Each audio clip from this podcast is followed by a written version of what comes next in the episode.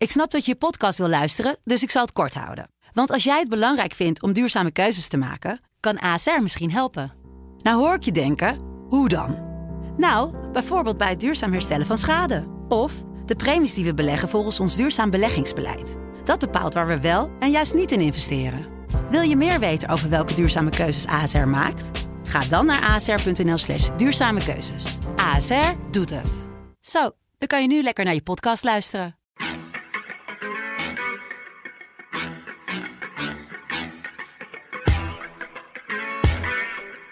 Dit is, dit is het land van Wierde. Een podcast van de Telegraaf met analyses op het nieuws die u elders niet hoort. Met Wierde en Kleis Jager. Ja, dag Wiert. Klees, Ik moet beginnen om jou te feliciteren. dankjewel. Ja, want eh, de Telegraaf heeft eigenlijk de beste band van de Nederlandse media. Jullie hebben Absoluut. Battle gewonnen. Ja, dus niet alleen mij feliciteren, maar eh, de Telegraafband, de Chocoladeletters heet die geloof ik. Ja, En eh, wij, wij debuteren zoals al die andere bands ook van, ik zal het even zeggen, NRC, Volkskrant, Follow the Money en Financieel Dagblad. Op een avond die de Battle of the Bands werd genoemd in Dauphine in Amsterdam. Voor een volle zaal uitverkocht. Jij kon niet, geloof ik. Nee. Eh, op de kinderen passen. Precies, heel veel mensen aan het zweten en aan het doen. Dus ongetwijfeld wordt het weer zo'n eh, superspread event. Maar dan geven we tegenwoordig, eh, maakt dat, vinden we dat allemaal niet meer erg. En dan mochten alle bands drie nummers spelen. En eh, de beste band volgens een jury, die kreeg dan een wisselbeker. En wij wonnen die, Ja. zo waar. Ja. En we hebben daar een fragmentje van, eh, geloof ik.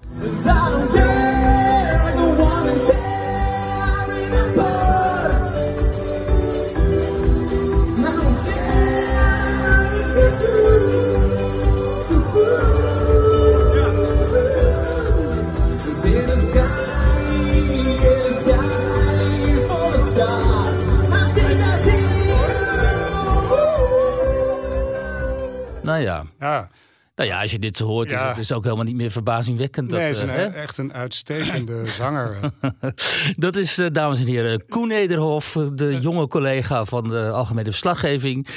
Die eh, wel zo ongeveer, geloof ik, de beste zanger is waar ik in mijn lange muzikale carrière. Want Nou. ik heb hier nog wel ban- bandjes gespeeld. Ja, dat wil heel wat zeggen. Althans, qua techniek dan Ja. eh, is. En, eh, en dan hebben we ook nog Marcel op drums, die ook krankzinnig goed kan zingen. Dus ja, we, ehm, we hebben het maar getroffen met, met elkaar. Ja, ja. Nee, maar het was hartstikke leuk. En dat leidt dan ook tot eh, verbroedering tussen al die redacties en zo. En eh, enorm eh, wit publiek natuurlijk. Dat krijg je ook. Want al die andere kranten die propageren wel diversiteit. Maar het is, als je dat dan zo ziet, dan zijn wij in de media toch nog allemaal erg een zeer blank, hoogopgeleide kasten. Ja. En dus wij zijn ook blij dat, dat we enigszins eh, nou ja, kunnen bijdragen als Telegraaf aan in ieder geval diversiteit in opinies eh, daar op, op het podium. Goed, nou, eh, laten we naar de actualiteit gaan. Sophie in het veld, die, die heeft weer een nieuwe baan. Nou ja, er is dus een Europarlementariër, Sofie in het Veld. En die, Ja. die zat al twintig jaar in het Europees Parlement voor D66. En Ja. toen kreeg ze mot binnen die partij. En ze zou niet meer die, die lijst gaan trekken, geloof ik. En toen heeft ze afscheid genomen van D66. En is als onafhankelijk Europees parlementariër eh, verder gegaan. Waarom wil ik het hierover hebben? Want we gaan zo meteen ook nog even over eh Wopke Hoekstra hebben. Namelijk, ehm, het, het idee hier is hoe mensen die dan tot die zeg, politiek bestuurlijke kasten horen al heel lang, zoals zij, eh, zich geen leven kennelijk meer kunnen voorstellen buiten, die, eh, buiten dat milieu en buiten die microcosmos waarin zij verkeren. En dan ook alles doen om daarin eh, verder te kunnen. Want Maar zij eh, willen natuurlijk hun ervaring eh, eh, ja, nou ja, dat zou je kunnen zeggen. gebruiken om, om eh, ons een beter leven te bezorgen. Ongetwijfeld, ongetwijfeld. En, maar deze Sofie in het Veld die was ooit in opspraak geraakt. Omdat ze dus gewoon al heel lang in Brussel woont. Maar wel de vergoeding opstreek van zo'n 300 euro per dag. Voor het wonen in Brussel. Eh, en er zijn natuurlijk mensen, hè, heel veel Europarlementariërs uit Nederland bijvoorbeeld. Die wonen in Nederland, die gaan naar de vergaderdagen dan. En dan moeten ze daar in een duur hotel. Dan moet ook altijd in een duur hotel kennelijk, nooit in een goedkoop hotel. Maar goed, dat is om daar iets over te zeggen. Dus dan moeten ze daar in een hotel. Maar je moet wel goed kunnen werken. Precies, je moet goed kunnen werken, er moet goede wifi zijn en zo. En eh, die hotels in Brussel zijn natuurlijk duur, hoofdstad van Europa. En dan krijgen ze dan die 300 euro vergoeding voor. Maar ja, zij woonden daar al. En eh, zij strak, streek ook die vergoeding op. In ieder geval HP De Tijd, hè, die Tom F. van Dijk, je kent het wel, die onderzoeksjournalist van HP De Tijd. Die ontdekte toen dat ze in ieder geval over één jaar iets van 28.000 nog wat opgestoken, opgestreken. En toen werd ze Sophie in het geld genoemd. Toen werd ze, vanaf dat moment werd Sophie in het geld. En toen stonden al haar tirades tegen ehm, conservatieve Hongaarse, Poolse en andere Oost-Europese regeringen die zij permanent afstak met uh, woedende blik daar in het Europese parlement uh, over hoe corrupt en, uh, en antidemocratisch die zijn, die kwamen er ook een beetje in een ander daglicht te staan natuurlijk, omdat zij ja. zelf dus het niet zo nauw nam met de niet met de regels, want volgens ja. de regels had ze wel gehandeld, maar met haar eigen morele kompas. En notabene had ze tegen Ton F. van Dijk toen gezegd van... ik volg hier mijn eigen morele kompas als, als reactie. En uh, nou, dan weet je precies hoe welke kant het morele kompas van haar op staat. Nou goed, zij wil dus per se in het Europese parlement blijven... en nu heeft ze zich aangesloten bij Volt. Eerst bij Volt Nederland, maar ja, die zeiden... ja, maar jij komt niet op die lijst, dat gaat niet gebeuren. En nu dook ze op, tot onze uh, niet eens ja. verbazing... bij Volt België en probeert ze dus via Volt België daar... In het Europese parlement te komen. En Mocht dat lukken, dan krijgen we dus weer uh, tirades zoals het fragmentje dat wij hebben tegen een uh, Belgische of een Vlaamse politicus van ja. Vlaams Belang. Van Den Driessen. Van Den Driessen. Nou ja, ja. weet je, Vlaams Belang hoeven we het niet over te hebben. Totaal reactionair, je kent het wel en zo. Dus die Van Den Driessen die vindt het leuk om daar de term, als hij het heeft over immigratie, om daar de term omvolking in te gooien. Want dan weet hij, daarmee krijg je ophef. dat is een, uh, een, een term die zou verwijzen, die zou stammen uit het het nazi-jargon, wat ook wel zo is. Ja. Maar ja, die term, een omvolking, uh, die is dus besmet. Maar ja, je kunt taal moeilijk uh, besmet verklaren, vind ik. Ja. En bovendien, als je kijkt naar de situatie nu zoals in hier Europa is met immigratie, dan zitten wij op dit moment wel degelijk in een situatie van replacement migration, replacement migration, immigration, mm. zoals de Verenigde Naties dat zeggen. Mm. Notabene bij de Verenigde Naties is het een gerechtvaardige vraag om te denken dat wij de vergrijzing in Europa zouden moeten aanpakken pakken door grote groepen jongeren uit uh, Afrika en Midden-Oosten hier naartoe te halen. En dat heet dan replacement migration. Nou, dat is hetzelfde ja. als omvolking. Alleen... Vervangingsmigratie. Vervangingsmigratie. Maar dat mag je niet zeggen, want dan ben je fascist en een ja. nazi en een racist ja. en zo. Dat vinden vooral mensen zoals uh, Sofie, in het Sofie in het Veld. En die ging dus uh, in het Europese parlement enorm tekeer tegen die van de Driessen. He is using a term which is a Nazi term. And he knows that full well. And I would like to ask you, Mr. Chair, rather than Mr. van der Driessen, uh, whether the use of Nazi terminology in this hemicycle is acceptable. He uses the term omvolking. He does it on purpose. He knows it's Nazi terminology, and yet he continues to use it. Goed, en dat wilde dus even laten horen om te laten zien ook hoe dat uh, debat uh, moreel geladen is. Mm -hmm. Dat viel mij ook op in een speechje wat ik de Zweedse premier notabene zag afsteken daar. He, die Zweden die zijn radicaal gewijzigd van koers. He. Die hebben decennia lang wilden zich opwerpen als de humanitarian superpower. Want ja, met 10 miljoen mensen slechts kun je moeilijk op een andere manier een superpower worden. Dus die Zweden die allemaal zo vreselijk deugen en zo, die dachten, weet je wat, wij gaan ons opwerpen als kampioen immigratie. Dan worden we een humanitarian superpower. En dan gaat iedereen in de wereld gaat voor ons applaudisseren. Ja. Nou, dat hebben we geweten. Ze hebben nu dus krankzinnige problemen met bendecriminaliteit. Met andersoortige criminaliteit. Ja. Dus het hele Zweden is gewoon, als je het hebt over uh, de gevolgen van replacement migration, dan moet je naar Zweden kijken. En, dat, ja. en het interessante was, ik zag de Zweedse Europarlementariër Charlie Weimers in het Europees Parlement die het had over de noodzaak om illegale immigranten uit Afrika terug te sturen. Your job, Mr. Skinas, I'm sorry, but it's not to be campaign manager for the left. It's to deal with illegal migration. So do your job and inform us on how we escort the boats back to their ports. Otherwise, the low intensive war on the Swedish streets, as the police puts it, will worsen. You laugh. Laugh to the 17 innocent victims shot to death, bombed to death in Sweden. Shame on you. In het Europese parlement uh, daar zeggen tegen die linkse vertegenwoordigers die daar zaten trekken jullie het lot eigenlijk wel aan van die, van die, van die? En dan noemde hij allemaal voorbeelden van meisjes, vooral 14, 17, 19, weet ik veel, ik weet het niet zo meer uit mijn hoofd. Die verkracht waren, die vermoord waren, de bendes, de toestanden. En dan zitten daar dus in die zaal mensen te lachen, hè? En dat pikt hij niet. Dan zegt hij, ja, jullie zijn nu aan het lachen, weet En je van wel. waar het lachen? Nou ja, omdat, Omdat het een heb je zo'n populistische- rechtse populist Ja. die, die, die fabeltjes hier loopt te verkondigen in Brussel. Ja, ja. En, en die leugens eh, ophangt en zo. Want deze mensen in hun, in hun deugdbubbel, zoals ze het tegenwoordig noemen, die komen nooit meer buiten die zaal natuurlijk. Die zitten daar in die totaal geprivilegeerde Brusselse wereld. Weten die veel wat zich daar in Zweden afspeelt. En als ze er naartoe zouden gaan, dan zouden ze ook nog eens een keer hun ogen ervoor sluiten. Want dat is natuurlijk een werkelijkheid en dat zijn feiten die hen helemaal niet goed uitkomen. En de enige manier waarop zij daarmee om kunnen gaan, en dat is ook waarom zoveel burgers tegenwoordig een hekel hebben aan de politiek, is mensen, zo iemand als Charlie Wijmers overduidelijk daar ehm, eh, emoties bij heeft Ja. om die te gaan uitlachen. Nou, dat gebeurde destijds ook met Pim Fortuyn en zo, je weet het wel. Nou, dan eindigt dat uiteindelijk gewoon in een, eh, zoals bij Pim, in een eh, politieke moord. En ik meen dat we het er nu over gaan hebben, of zometeen, dat in Duitsland dit type polarisatie ook eh, behoorlijk eh, uit de hand dreigt te lopen. Of wilde je het eerst nog over Wo- Wopke Hoekstra hebben, die ook zo aan zijn baan tilde?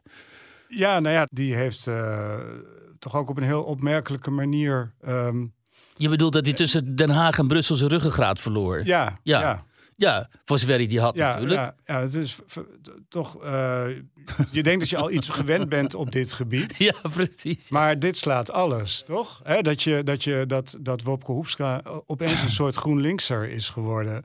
Het was, zo, allemaal omdat hij die baan wil hebben. Het was zo hilarisch. Hij, dan denk je dus, oké, van Timmermans die in ieder geval helaas is naar Nederland gekomen, maar hij is daar weg van die post.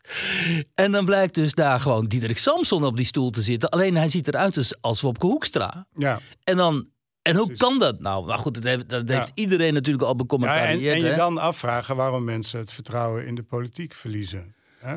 als zelfs de allergroensten en allerlinksten in dat parlement daar zeggen van... ja, ik vind het echt hartstikke leuk wat je hier allemaal zegt... maar nu vind ik het toch wel heel moeilijk om je te geloven... want je bent nog linkser en groener dan ik. Ja, dan heb je toch een geloofwaardigheidsprobleem. Joh. En, eh, maar goed, hij is er dus gewoon doorheen gekomen. Ja, hè. Dus ja. dat, het Het is kan. gewoon een examen dat je aflegt. eh, en, en, en de volgende keer kunnen ze hem iets anders vragen om te doen. Hè? Ja, als hij de volgende keer in een andere functie moet zeggen... U dat, vraagt, wij draaien, is het. Ja, ja. En, en wat zijn dit dan voor, voor persoonlijkheden en karakters? Hè? Dat, eh, Ja, managers. Maar dat is ook zijn achtergrond, hè? Denk, denk ik. Het zijn, het zijn mensen die kunnen managen, leiding geven. En eh, ja, wat ze daarvoor moeten vinden, dat is vers 2, kennelijk. Ja, net zoals bij al die bedrijven die dan nu van die eh, extreme, bijvoorbeeld transgenderachtige activistische reclames eh, gaan, in, gaan inzetten.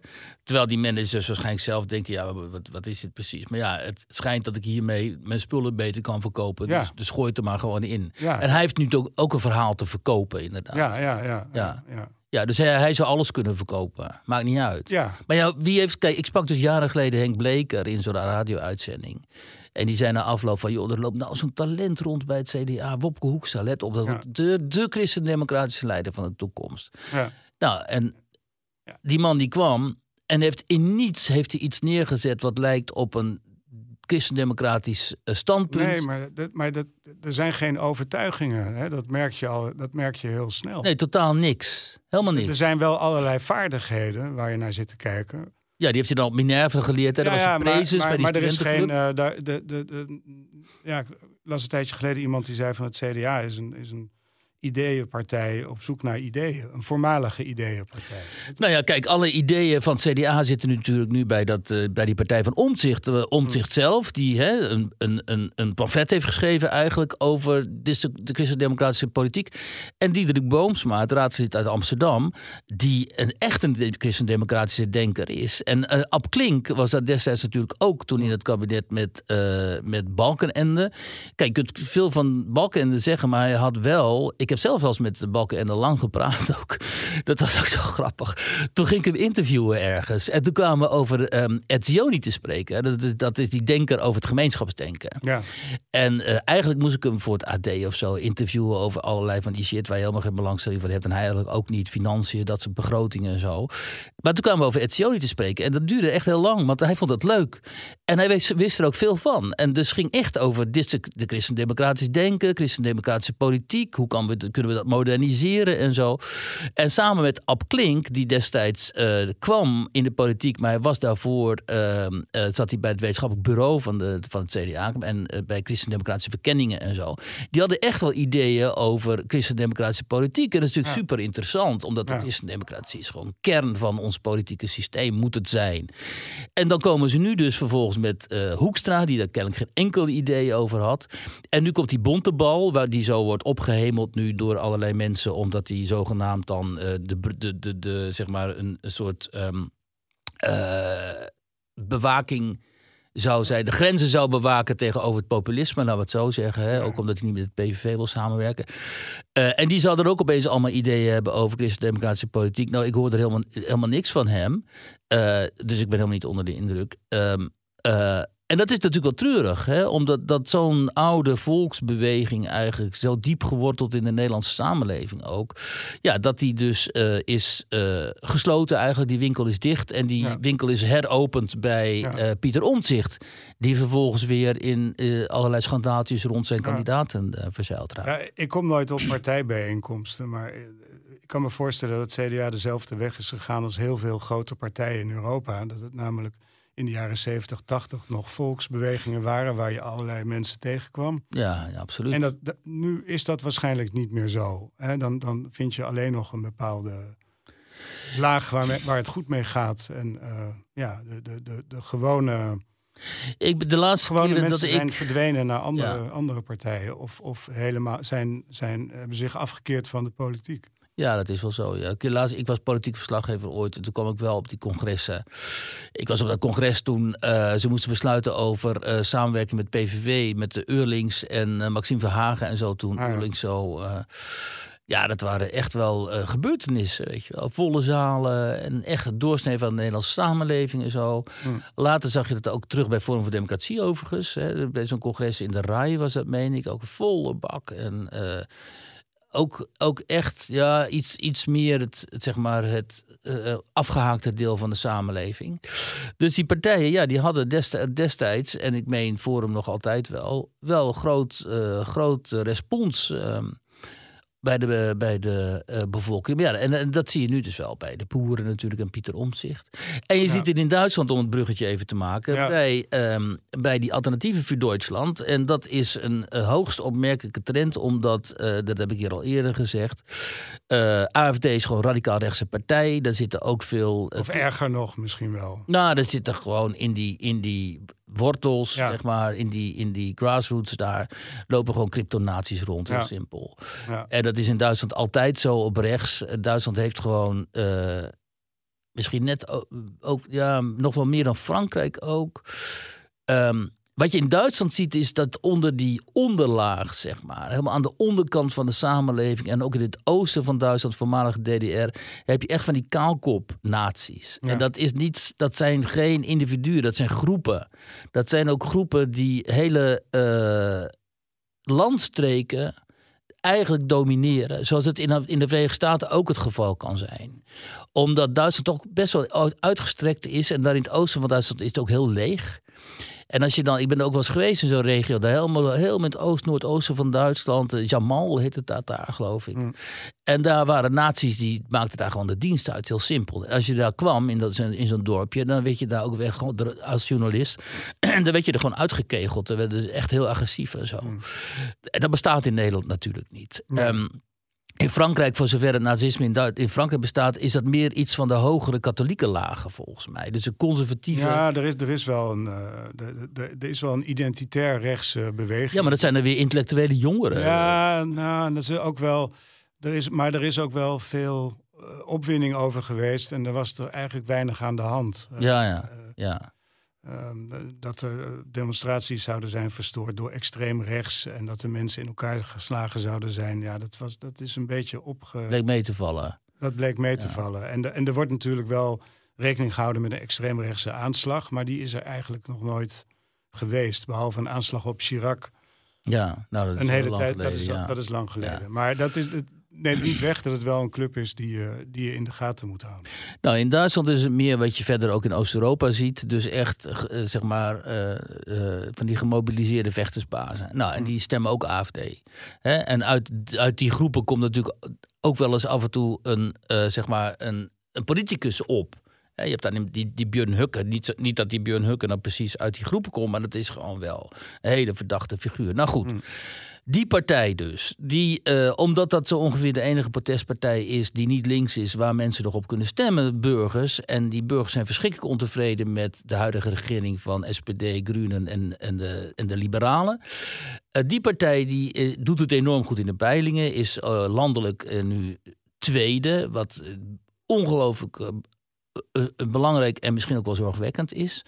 En nu eh, is het zo dat op een paar kopstukken Alice Weidel en ehm Groepalla ehm, waarschijnlijk eh, ofwel aanslagen zijn gepland geweest, waardoor Hmm. Alice Weidel en haar gezin, eh, zij is lesbisch trouwens, hè, ze heeft een vrouw, is ook interessant, Ja. eh, zich Het hebben... heet homonationalisme, geloof ik. Ja, Frankrijk noemen ze dat zo. Oh ja. En, eh, eh, en die, eh, die, heeft zich, die schijnt, schijnt dus al eh, tien dagen ondergedoken eh, te zijn. Met, haar, met, met haar gezin dus. En ehm, op die Groepalla, want er zijn deelstaatverkiezingen binnenkort in Bayern. En ook in Hessen trouwens, maar in Bayern. Die schijnt op een campagnebijeenkomst, is hij in ieder geval onwel geworden. Had hij medische verzorging nodig. Ja. En AFD Opgenomen. Precies. AFD zegt, hij is opgenomen in het ziekenhuis. Ja. Eh, waar hij intensief, intensief medisch, of medicinisch heet het dan, Ja. intensief medicinisch wordt behandeld. En dat vertalen wij dan als hij ligt op de intensive care, maar dat hoeft het helemaal niet te betekenen hoor. Ja. Ehm, maar de AFD zegt, er is een aanslag op hem gepleegd met een eh, Injectienaald. injectienaald. Er is ook de afdruk van die, dus een prikplek. Ja. En daarna is hij dus niet goed geworden. En zegt men ook op sociale media. En hij staat op de moordlijst van eh, Oekraïne. Er is inderdaad zo'n Hm. moordlijst. Hè? Eh, want AFD is natuurlijk voor een heel groot deel gewoon pro-Rusland en pro-Poetin. Hm.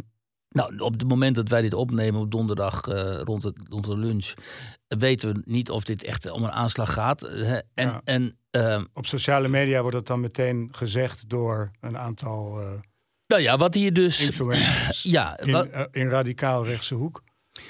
Ja, dat is heel goed dat je dat even aanstipt. Omdat wat je ziet gebeuren nu, dat is dat onder de. Onder de- Duitsland is nu een hoge drukketel. Wat Nederland was ten tijde van Fortuyn, denk ik. Nu nog trouwens, maar iets minder. Eh, ik geloof dat we in Nederland die polarisatie op sociale media en zo. Dat, die bestaat natuurlijk, die is reëel. Alleen we kunnen daar inmiddels ook beter mee omgaan, geloof ik. Doordat heel veel mensen die zich daar op die sociale media begeven. En dan vooral op, op X, zoals het tegenwoordig heet. Ook wel weten dat daar ook heel veel bullshit voorbij komt. En dat je niet alles zomaar online moet gooien. En dat je ook een beetje moet eh, kalmeren eh, af en Hm. toe. Althans, de, de verstandigsten onder hen. Alleen in Duitsland, waar alles eh, veel later gebeurt altijd, ehm, is dat nu, komt dat nu tot een soort kookpunt, merk ik. En eh, dat rond deze opkomst van die AFD. En dan zie je dus ook dat bijvoorbeeld journalisten, je hebt iemand- zo'n journalist ook, eh, eh, Boris Reitschuster, die was correspondent in Moskou geweest, voor zichzelf begonnen op een gegeven moment. En ja, die, die zijn dus aan het radicaliseren ook. En die, die, die beginnen dan op die sociale media vanaf het begin al eh, het verhaal van het narratief van AFD te verdedigen. Dat gaat om een aanslag en zo. Eh, terwijl we dat nog niet eh, weten. Ik had er zelf ook van, vanochtend een draadje op Twitter over aangeweid. En toen had ik in die eerste tweet ook het woord aanslag gebruikt. En zonder tussen aanhalingstekens te zetten. En dat heb ik maar weer verwijderd. Want ik dacht, ja, ik bedoel aanslag in de zin van vermeende aanslag. Ja. Maar je ziet het dus heel snel gaan. Het wordt dan ook overgenomen. En je ziet dan hoe via een paar stappen het Elon Musk, de baas van Twitter, met een krankzinnig bereik natuurlijk Ja. bereikt. Want Hoe Dat- kan eh Musk ja, nou ja, dat gaat dan als volgt. Eh, eh, je hebt in Nederland natuurlijk uh, Eva Vlaardingenbroek, voormalig kandidaat uh, Tweede Kamerlid voor Forum voor Democratie. Die is daar toen bij hè, weggegaan. Mhm. En die heeft zich ontwikkeld tot een soort van internationale stem van het rechtspopulisme in Europa. Ja. Spreekt, spreekt heel goed uit talen, spreekt heel goed Duits, spreekt heel goed Engels, is heel intelligent.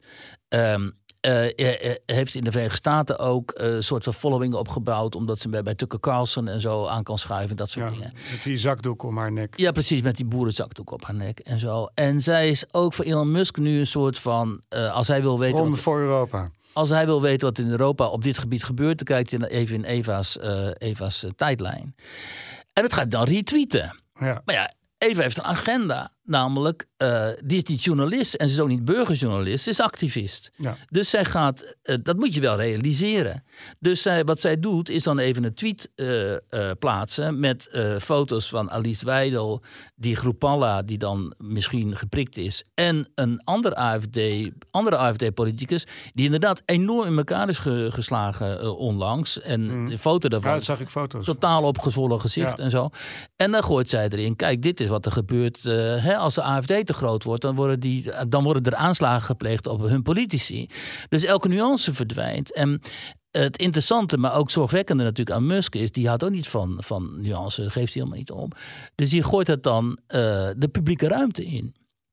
En, eh, en dan wordt dat, dan, wordt, dan is dat, dat zijn dan de feiten, weet je wel.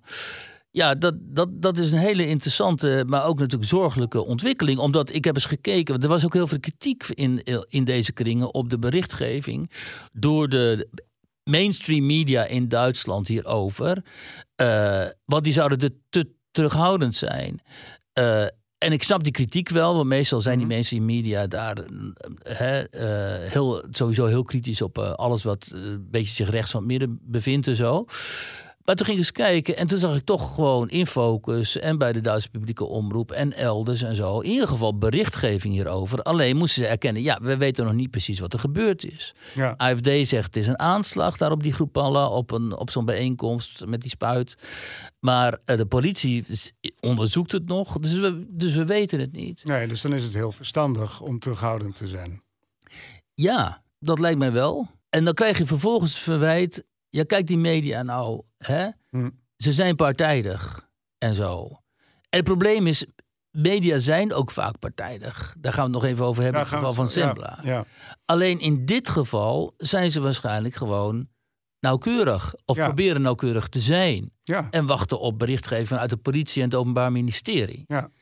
Maar ja, in die, in, die, in die heksenketel van die sociale media en zo verdwijnen al, al, al die nuances natuurlijk. Ja. En, eh, maar hoe dan ook heerst er in Duitsland natuurlijk op dit moment een sfeer waarin we niet kunnen uitsluiten dat eh, een politieke moord zoals die op Pim Fortuyn in Nederland eh, zal plaats hebben. En dat zou in Duitsland ook helemaal niet zo vreemd zijn, omdat je Duitsland natuurlijk een hele bloedige politieke geschiedenis heeft hè, met de Rote Armee-factie. Ja. Maar overigens ook wel met, eh, eh, nou ja, voor die tijd natuurlijk met extreem rechts, maar dat was Ja. voor de oorlog en in de oorlog. Maar ook wel, eh, ehm, wilde ik zeggen, zijn er ook vanuit extreem rechts is een aanslag gepleegd op die politicus daar in eh, Noord-Rijn-Westfalen, was het, meen ik, hè, die daarbij is omgekomen. Dus dat moeten we niet vergeten. Het geweld komt daar niet alleen links. Het is daar ook niet eh, ja, minder uitzonderlijk dan het eh, in Nederland is. Ja, hoewel wij zeggen tegenwoordig, eh, wij zeggen nog altijd dat het uitzonderlijk zou zijn in Nederland, maar zo uitzonderlijk, uitzonderlijk is het natuurlijk niet, omdat Fortuyn is vermoord en de moord op Theo van Gogh was natuurlijk ook een politieke moord uiteindelijk. Ja, maar dat is eigenlijk meer een... een, een Wilders die bewaakt een- wordt. Een mondiale gebeurtenis bijna. Dat is een, van een, een, een moord gepleegd in naam van een, ja, een internationale jihadistische beweging. Nou, ik ben met je eens dat, dat- eh, dat de, de, die, die, die krankzinnige scheldpartijen in Duitsland, ook in de Bundestag bijvoorbeeld, op elkaar. Hè, van linken en groenen tegen AFD en zo en omgekeerd. Dat gaat kei en keihard en dat zijn onwrikbare standpunten. Er wordt helemaal niet meer, de, verachting en de minachting voor de politieke tegenstander, die stralen ervan af. Ze zijn ook altijd krankzinnig trots op dat ze dan zo tekeer gaan tegen die politieke tegenstanders. En dan krijgen ze allemaal veel tromgeroffel op die tafels en zo. Dus in, in, in essentie zit daar nog heel veel politieke haat eh, eh, omdat ze zo krankzinnig ideologisch zijn, die Duitsers. Hè. Ze zijn echt overtuigd van. Nou ja, je, je kent het wel. Als je eenmaal, in Duitsland, als je eenmaal op je vijftiende besloten hebt om punk te worden, punker, hoe heet dat? Ja. Dan ben je dat op je zestigste, op je zestigste nog. Hè. Dan loop je nog bij als een punk. Weet je wel. Want dat is een hele belangrijke existentiële keuze. Ja, en als je Nederland- één keer tegen kernenergie bent, dan blijf je dat altijd. En als je de kans ja. krijgt om centrales te sluiten, dan doe je dat ook echt. Precies, ook al gaat het totaal in tegen economisch belang en belang van de burgers. Nee, nu zijn wij aan de macht, zoals de Groenen nu. Nu gaan wij dat allemaal door, door eh, Ja. drijven. Eh, zelfs met het risico, en wat nu ook gebeurt, dat je je economie helemaal naar de, naar de knoppen helpt. Terwijl- Dat is wat er gebeurt. Maar ja, dat staat Ja. allemaal in dienst van het hogere streven dat Duitsland de wereld moet redden van te veel CO2-emissie of zoiets. Ja, dat is natuurlijk echt verschrikkelijk om te zien. En daarin zijn we in Nederland toch weer. Kijk, we zijn in Nederland natuurlijk dominees, maar op een gegeven moment worden we ook weer koopman. En dan denk ik, ja, nu is wel mooi geweest met die, Ja. hè, met die dominees, met die kanselretoriek. We moeten ook weer geld gaan verdienen. Ja. Du- Duitsland is een voorbeeld, maar niet te veel, gelukkig. Nee, dat eh, is, eh, dat is eh, zeker het geval. Alleen het probleem is natuurlijk wel als, als, als Duitsland verkouden is, dan zijn wij heel ziek. Hè? Ja. Want al onze export zo ongeveer gaat, dat gaat die kant op. En als de Duitsers. eh, Ja, het is de grootste economie van Europa. Dus het is echt een ram- rampzalig eh, beleid. Als je kijkt bij sommige Nederlandse bedrijven hoeveel ze exporteren, hè, dan, dan. Ik was correspondent in Duitsland, dus pakken zo met, met die Nederlandse bedrijven. En dan zei ze, ah, we exporteren eigenlijk gewoon 90% naar Noord- en Westfalen en Beieren. Ja. En dan zei je, kijken jullie niet verder dan Oost-Europa en zo? In, en maar hoeft helemaal niet. Ja. dus, eh, maar ja, als die Duitse economie gaat kwakkelen en die mensen hebben geen, zometeen geen koopkracht meer, dan eh, Ja. gaat die Nederlandse export natuurlijk daar ook onder lijden. Dus ehm, dat is heel belangrijk wat daar gebeurt. En helaas, de Nederlanders kunnen geen Duits meer. Dus ze en ze kijken niet naar Duitsland, ze kijken alleen maar naar Engeland en naar, eh, naar eh, de Verenigde Staten. Dus heel veel mensen hebben helemaal niet in de gaten wat daar speelt. Maar het is gewoon wat daar nu speelt met die opkomst van die AFD en dit soort even mogelijk politiek geweld, dat is zo belangrijk, man. Dat is Ja. echt, eh, dat moeten we zo goed in de gaten houden ook. Ja, en toch zijn we niet gewend om naar Duitsland te kijken. Nee, maar we kijken ook niet naar Frankrijk natuurlijk. Terwijl het toch ook Nee. heel belangrijk het is. Het tweede belangrijke Europese land. Maar we spreken Nee. geen Frans meer. En eh, we kennen alleen Macron. Ik, ik, ik zou op dit moment ook niet weten wie daar de oppositieleider is, moet ik zeggen. Hoor. Dat weet jij misschien. Eh, ja, eh, nou ja, je hebt... Als voormalig correspondent Frankrijk. Nou ja, Marine Le Pen ken je vast. En, en dan heb je... Ik bedoel echt, ja, ja Marine Le Pen dan. Dus, Ja. ja. Ja, Ja, Nee, maar ik bedoel wat daar dan na komt, zeg maar. Hè? Dus de, gewoon wat in het parlement voortdurend het woord voert tegen de regeringspartijen. ja. Ja. Kan je weten. Nee, nee, nee, maar dat, dat, dat is ook... eh, ja, dat is inderdaad niet zo raar. Ik ken nog Marion Le Pen, maar die, ik weet niet eens of die in, de, in, de, in het parlement zit daar. Ja, zij, zij noemt zich nu weer eh, Marion Maréchal. Oh ja. Eh, en, maar ze, ehm, zij, zij, zij, zij zit niet in het parlement, maar maakt zich volgens veel mensen klaar voor ja, de volgende, volgende presidentsverkiezingen. Volgende generatie Le Penisten. Ja, en het is, er is dus rivaliteit tussen, tussen haar en haar en haar tante. Oké, nou. Ze ziet in ieder geval eh, goed genoeg uit om ooit een nieuwe, eh, zeg maar, eh, Franse, hoe heet, hoe heet de, de Franse symbool ook alweer? Marianne. Marianne, ja, ja, Ja. ja. Right, goed, daar gaan we niet over hebben. Waar gaan we het wel nu over hebben, Kleis? Ik meen over de Nederlandse media. Ja, over Zembla. En Ja. die hebben een beetje gerommeld met tweets. Daar hebben ze hun excuses voor aangeboden. Het was mij een beetje onduidelijk waarom die tweets niet authentiek waren. Eh, het schijnt te komen door een animatieprogramma of door inkorten. In ieder geval is daar iets eh, gebeurd dat, dat niet hoort. Eh, ja, dat ging dus, eh, hè, wat ik begrijp, eh, als volgt. Zembla die ging dus op jacht naar agressieve twitteraars. Daar komt het op neer. En dan Ja. natuurlijk altijd uit de rechtse hoeken. Hè, alsof er op links niet enorm veel agressiviteit bestaat. Enorm. Ja, ik, krijg 24-7 allemaal idioten van links over mij heen... Die, Ja. die mij nog net niet willen ombrengen, geloof ik. Ja, maar mij werd niks gevraagd. Dus, Nee. dus wat doet die verslaggever van Zembla? Die gaat er daar zo... En dat zijn natuurlijk van die toetsenbordhelden in een fletje ergens. Ja, En die gaat dan aanbellen. ja, heel, heel bedenkelijk dus. Ze hebben dus eh, adresgegevens van die mensen achterhaald. En dan gaan ze ook letterlijk naar die mensen toe. Heel intimiderend om te zeggen van... joh, eh, hoezo heb jij het in je hoofd gehad om deze tweet te schrijven? Nou, eh, oké, dat doen ze dan. Maar wat hier journalistiek echt verwerpelijk is geweest... dat ze dus, ehm, eh, dat ze dus tweets hebben verzonnen. Hè, uiteindelijk, ze hebben een soort van zeg maar, de geest van een aantal tweets hebben ze dan samengevat in een zelfgemaakte, zelfgeschreven tweet. Ja, En die schrijven ze dan toe aan zo'n twitteraar. ja, En daarmee hebben ze in die uitzending geprobeerd te bewijzen dat deze mensen dus heel erg gevaarlijk en agressief zouden zijn. Nou, ja. daar is iemand dus achtergekomen dat dat gebeurd is. En die heeft het aangestipt bij Blackbox. En nou zie je wat leuk is. Eh, Blackbox is zo'n alternatief medium. Ehm verguisd. Ik zag dat Mark Koster vandaag bij ons in de krant ook, eh, onze media-columnist, Blackbox dan ook wegzet als een eh, soort, soort duister gat voor com- complotdenkers en weet ik veel wat allemaal en zo. Eh, dat is deels, eh, komen daar complotdenkers aan het woord, maar dat Blackbox heeft zich inmiddels ook bewezen als eh, een, een, nou ja, een, een kanaal waar in ieder geval mensen dit soort dingen aan de orde kunnen stellen. Wat anders waarschijnlijk eh, totaal niet eh, was gebeurd, omdat geen, een- geen één medium ja. dit zou hebben opgepikt. ja, dat is nuttig werk. Ja, dat is dus nuttig werk. En dus ook in die alternatieve media komen af en toe gewoon dingen aan de oppervlakte. En zitten af en toe goede mensen. Eh, die in ieder geval thema's willen eh, onderzoeken. Zoals ook bij Ongehoord Nederland of Ongehoord Nieuws. Dan af en toe iemand als Lia Daniel kan aanschuiven. Die dus in Nederland de discussie over transgenderactivisme heeft aangejaagd. Samen met Voorzij heet die organisatie. Waardoor het in ieder geval eh, een tegengeluid klinkt bij de publieke omroep, want ze zijn publieke omroep, Ja. Tegen al dat activistische gedoe over dat wij onze kinderen al op jonge leeftijd zouden moeten laten besluiten of zij misschien niet een ander geslacht willen hebben, waardoor we hen moeten volstoppen met hele bedenkelijke eh, medicijnen en eventueel een geslachtsoperatie moeten laten ondergaan op latere leeftijd. Ja.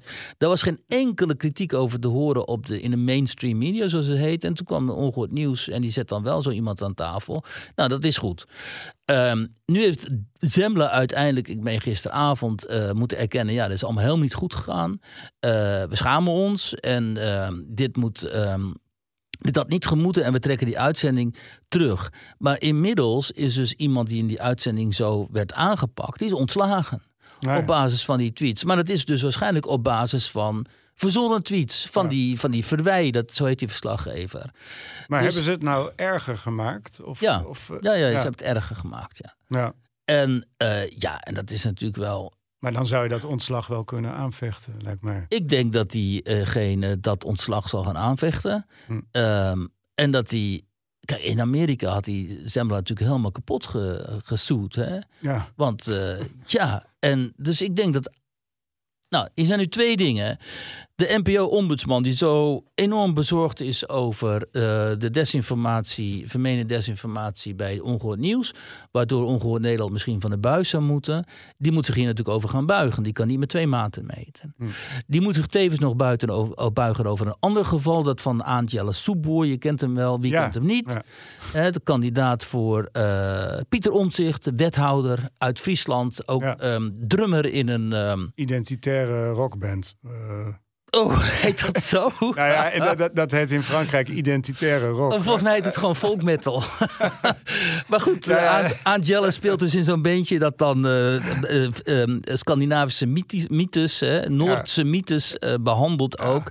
Ja. En daardoor belandde muziek van zijn beentje ook op een of andere nazi-site. Is dat, is dat helemaal onschuldig? Of is- zit daar een beetje een boreale sfeer? Oh, dat is natuurlijk hoogst boreaal. Maar ja, was die, was die opmerking van, eh, van Baudet over de borea- boreale noorden of het was boreaal Europa, was dat een nazi-opmerking of was het gewoon een, een, een opmerking uit die diep, diep geworteld in de geschiedenis van dit eh, continent? Dat zou je ook kunnen zeggen. Ja. Eh, hè? En het, het hangt natuurlijk af met welke bedoeling je. ja, maar die oude Le Pen, eh, hij is nog niet overleden trouwens, maar die had het ook altijd over l'Europe boreale. En, Ja, eh, ja, ja. Maar ja, net zoals. en, en dat, eh, dat zijn wel degelijk referenties uit, een, uit extreemrechtse sferen. Maar goed, Tuurlijk.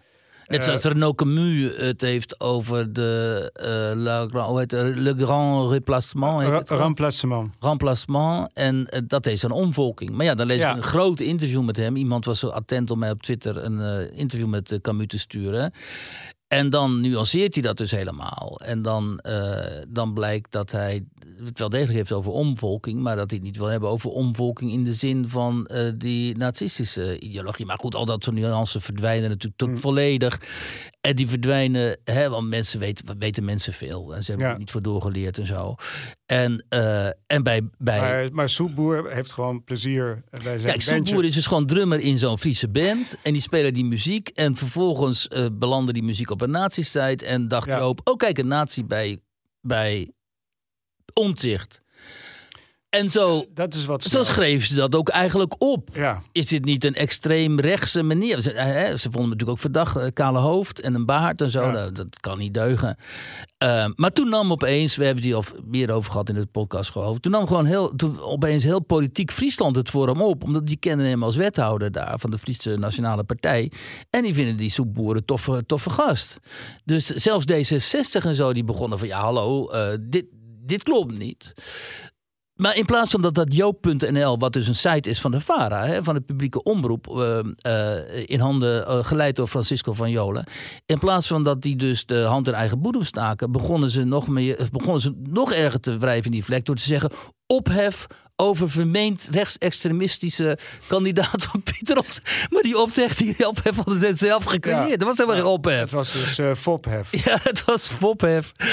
En, eh, en, eh, maar goed, het is allemaal natuurlijk verschrikkelijk kwalijk, want die Soeber had er glas van. En, eh, en de NPO-ombudsman moet zich hier natuurlijk over uitspreken. En ik denk BNN-Vara dan beboeten of zo, want eh Ongehoord Nederland moet ook steeds boetes betalen. Maar ja, het laat dus vooral zien hoe ook die media zich laten meeslepen in eh, al, dit, eh, al deze eh, em, eh, polarisatie. En hoe beducht je daarvoor moet zijn. En uiteindelijk, om dit af te ronden, is mijn probleem vooral. Eh, je raakt zo in een feitenvrije wereld kom je terecht. Omdat je niet meer weet wat klopt dan wel, wat klopt niet. Eh, de politiek grijpt de, ge- de gelegenheid aan om feiten te creëren. Je zag het laatst ook in, het, in de Tweede Kamer. Toen zat eh, Baudet daar met Van Houwelingen en Hugo de Jonge. Die hadden het, moest een bepaald thema worden behandeld. Nou, die hebben ontzettend schurft aan elkaar natuurlijk. Hugo de Jonge meen ik vooral aan Baudet. Baudet is volgens mij... Ja, en, en toen... Ja. Maar wat... Ja, Baudet heeft hem eens een keer... eh, nou ja, Het zwaar beledigd. Een. Ja, of een, Mongool of zo. ja, je iets- kent het nou, wel. wel een, een, een vrij ernstige Ja, ja altijd, belediging. altijd van die opmerking. Dat, en, en inderdaad. En dan. Maar wat ze toen deden is. eh, Baudet die wilde zijn boek over coronabedrog, zoals hij het noemt, aanbieden aan de jongen. En die wilde dat natuurlijk niet hebben. Die zei: staat allemaal. Hij reageerde maar: nee, dat wil ik helemaal niet lezen. En zo. Er staat allemaal verschrikkelijks in en zo. Maar dat, dat werd natuurlijk weer gefilmd door een medewerker van Forum. En dat gooien ze dan online. Kijk, die afgrijzelijke Hugo de Jonge, die dan niet dat boek wil accepteren. Het is allemaal één groot. Van alle kanten wordt het spel vuil gespeeld. En daar hebben de, de meeste burgers zo ongelooflijk hun bekomst van. En wat ik nou. En dan is het inderdaad om af te sluiten. Pieter Omtzigt moet dan de verlosser zijn. Want die zal dan niet vuil spel spelen en zo. En nu hoor ik dat er media bezig zijn om. ehm, om eh, Dirt over eh, omzicht eh, op te rakelen. En die is er natuurlijk ook, want iedereen weet wel dat omzicht een kort lontje heeft en behoorlijk uit zijn slof kan schieten en zo. Dus als je wilt, Mm. en ze heeft het al eens een keer geprobeerd met hem een karaktermoord te plegen. Dus als je wilt kun je ook karaktermoord op Pieter Omzicht plegen. Dus mensen die luisteren, bereid u voor de komende Ja. weken. Maar het, Gaat die karaktermoord ook plaatsvinden? ja, maar het is natuurlijk ook wel... Het kan heel legitiem zijn om dat soort vragen te stellen... Hè, naar de gesteldheid van iemand die... Absoluut. Dat is zo. Kijk, als je het niet. Tuurlijk, want eh, ik zag eh, nu ook eh, een, een filmpje met, waarin om zich werd geïnterviewd over die pieper, meen ik. Ja, Ja, die moest aftreden. Ja, en dan oogt hij alweer zo moe en ook potentieel geïrriteerd. Hè? Het is heel moeilijk natuurlijk om als je zo gepassioneerd en, en eh, al je energie in die politiek en politieke kwesties stopt. En als je dat karakter hebt om dan jezelf zo in de hand te kunnen houden, zoals sommigen dat dus ja, wel, je ziet bijna al die nieuwe politici ook daaronder eh, bezwijken. het is een hè? test. Hè? Verkiezingscampagnes, dat heb ik altijd in Frankrijk ook gezien. Het is echt een test. Ja, en Rutte was natuurlijk altijd als Teflon-mannetje briljant in om alles van zich te laten afglijden. Maar zelfs hem zie je tegenwoordig steeds geïrriteerder raken. Baudet vind ik. eh, ondanks al die massa's aan toestanden, gedoe wat hij over zich heen krijgt, blijft altijd toch wel netjes en, en beleefd. Hè? Althans, in, als hij mensen te woord staat en zo. Uh, in, de, in, in, in de binnenruimte geloof ik iets minder.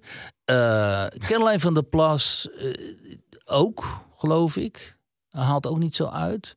Nou, Rob Jette, die, die is altijd aardig, volgens mij. Die zie je altijd, uh, altijd opgewekt, ja. opgewekte jongeman. Ja. Hè? Dus uh, het is ingewikkeld, ja. Is ja, die heeft een beetje wat Macron ook heeft. Hè? Altijd fit, altijd opgewekt, altijd positief. Ja, en dat is op zichzelf ja, alweer mooi dat te is zien. Een, uh, dat is een kwaliteit. Ja, absoluut. Ja. Want als je dat afzet tegen de, zeg maar, de geïrriteerdheid of de vermoeidheid van anderen. Ja, ja dan komt zo'n jongen natuurlijk gewoon heel. Maar ja, hij is ook een hele jonge vent natuurlijk. Hoe oud zal hij zijn? jawel. Ja, ja dus. Uh, dus uh, maar goed, het is inderdaad een absolute kwaliteit. En, en Rutte had hij ook. En nou ja, we gaan zien bij de verkiezingen waar dat toe zal gaan leiden. Waar was Wiert? Ik was, uh, ik was in Den Haag bij Avran Zoetendorp, de bekende rabbijn, in zijn appartement daar. En uh, omdat de geschiedenis uh, waarin hij een hele belangrijke rol heeft gespeeld, niet alleen hij, maar ook enkele anderen. Mm. van de Sovjet-Joden die wilden emigreren uit de Sovjet-Unie en dat niet Refuse mochten. niks. De refuse niks van mm. Refusal. Uh, daarin heeft Abraham Soetendorp een hele belangrijke rol gespeeld. En die geschiedenis is nu opgetekend. Er is een film van gemaakt. En die wordt volgende week dinsdag wordt dat allemaal in Amsterdam uh, gepresenteerd. Dus dit was een mooie gelegenheid om nog eens een keer een aantal kopstukken uit die tijd aan het woord te laten. Waaronder Soetendorp en uh, Sylvia Milhado, die daar ook een, een, dame die daar ook een belangrijke rol in heeft gespeeld. En ik heb even met Nathan Sharansky gebeld. Die zit in Israël via Zoom. En ja, Sharansky, dat is natuurlijk wel heel bijzonder. Ik heb hem ook gezegd, het is toch wel bijzonder om, om, om met hem te spreken. Dat is natuurlijk een held uit mijn, mijn, uit, mijn jeugd. jeugd. Ja. Uh, ik zal even verduidelijken voor onze uh, luisteraars. Uh, Nathan Sharansky is een van die krankzinnig dappere voormalige Sovjet-dissidenten. Die ooit besloot van, dat hij als Jood in de Sovjet-Unie geen toekomst had. Omdat de Sovjet-Unie natuurlijk telkens bij vlagen vooral ook hoor. Werd Ja, door institutioneel antisemitisme. Dat werd geïnstrumentaliseerd. Het werd telkens geïnstrumentaliseerd als er weer een vijand moest worden gezocht. Ja. Van, oh, we hebben de Joden nog. Dus dan Mm. gingen ze weer de Joden terroriseren en zo. En uh, als jonge man, die besloot op een gegeven moment... Dit, dit kan zo niet langer, ik moet mij over mijn angst heen zetten. Dat is een ontzettend belangrijke uitspraak van hem.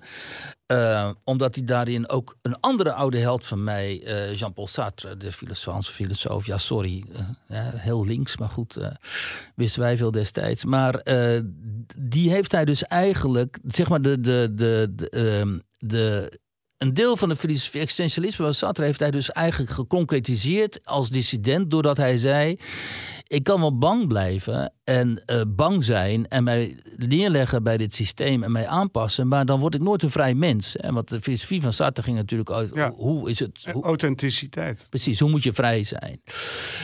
En toen zei, heeft hij besloten: ik kan alleen een vrij mens zijn als ik mijn angst overwin. Dus Fear No Evil is ook de titel van een boek van hem. En die heeft hij toen dus uh, overwonnen. En dat is natuurlijk krankzinnig indrukwekkend, omdat hij vervolgens jarenlang uh, in de gulag heeft gezeten. Hij is jarenlang uh, vastgezeten, gevangen gezeten, ondervraagd, geestelijk gemarteld natuurlijk. En telkens, hè, en telkens werd tegen hem, hij was geïsoleerd, dus hij wist niet hoe is het met mijn familie, hoe is het met mijn vrouw Avital. Een jonge vrouw die wel had kunnen uitreizen, omdat ze familie had in Israël. En dan mocht je daar weg. En, dan, en die, zich die de volgens de hele wereld ging rondreizen om op het lot, van Sharansky en de andere Joden in de Sovjet-Unie eh, te wijzen. En, uh, ja, en om dan uh, Sharansky uiteindelijk echt te spreken, nu hij is er nu 6, 5, 6, 70 of zo. En over die tijd met hem te praten is natuurlijk krankzinnig interessant. En het interessante is dat hier in Nederland, Abraham Soetendorp. Um, die leerde uh, Avital Sharansky kennen, dus ze raakten bevriend. En Soetendorp slaagde erin om ook buiten de Joodse gemeenschap... en samen met die andere mensen die hem steunen natuurlijk... buiten de Joodse gemeenschap, vooral in de wereld van de kerken... dus de christelijke gemeenschap... Mm. Uh, ja. enorm veel support te mobiliseren ja. en te organiseren... waardoor ze op een gegeven moment een miljoen handtekeningen ja. ophaalden. Ja, ja. Nou, Aanvankelijk hadden ze het over een miljoen handtekeningen wereldwijd moeten we ophalen. Ja, de Joodse vertegenwoordigers, de internationale ja. vertegenwoordigers dachten... weet je wat, als we nou een miljoen handtekeningen ja. wereldwijd ophalen... en toen zei ja. Sylvia, die zei, hoezo wereldwijd? Laten we het in Nederland proberen. En dat lukte, terwijl in Nederland, hoeveel Joden waren er? Hè? Er zijn nu 30.000 nog en zo. Toen waren het zoiets. Misschien zijn er 5.000, 6.000. Maar Ja, dat weet ik niet. Het aantal is natuurlijk naar Israël eh, gegaan in de loop der jaren. Maar het zullen niet meer zijn geweest dan 30.000, 40.000. En dus als je dan een miljoen ophaalt, dat is natuurlijk een enorm succes. En door Ja. die druk uit te oefenen op het Kremlin en te blijven uitoefenen, denken zij dat ze in ieder geval een barst in de muur hebben geslagen destijds. ja, want wanneer was dit ongeveer? Nou, dit speelde in Jaren de 70. jaren 70, 80. En Ja, ja, precies. Nee, die kan het- handtekening ik kan actie het was me nog- 81. Ik kan het me nog herinneren, maar Ja, ik ook. Ja. Ja. Terwijl Aline Pennewaard bijvoorbeeld, de historica die dit boek heeft geschreven, die is, die is, eh, die is in, de, in de 40, begin 40, die, die heel goed zit in Joodse kwesties. Want hij werkt voor het CIDI ook. En zij is goede historica, schrijft veel boeken. Heeft dit boek ook geschreven eh, over deze zaak. Maar die wist dit dus niet. Althans, ze had er wel van gehoord, maar ze kende, zij wist niet de omvang ervan.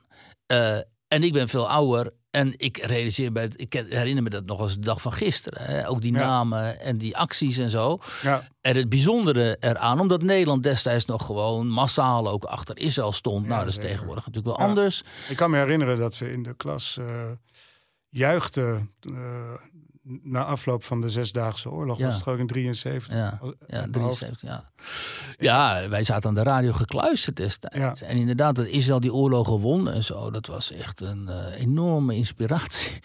En eh, maar ja, vergeet, vergeet ook niet, Israël werd gewoon door die Arabische wereld eh, massaal destijds aangevallen en existentieel bedreigd. Joden moesten allemaal de zee in worden gedreven en zo.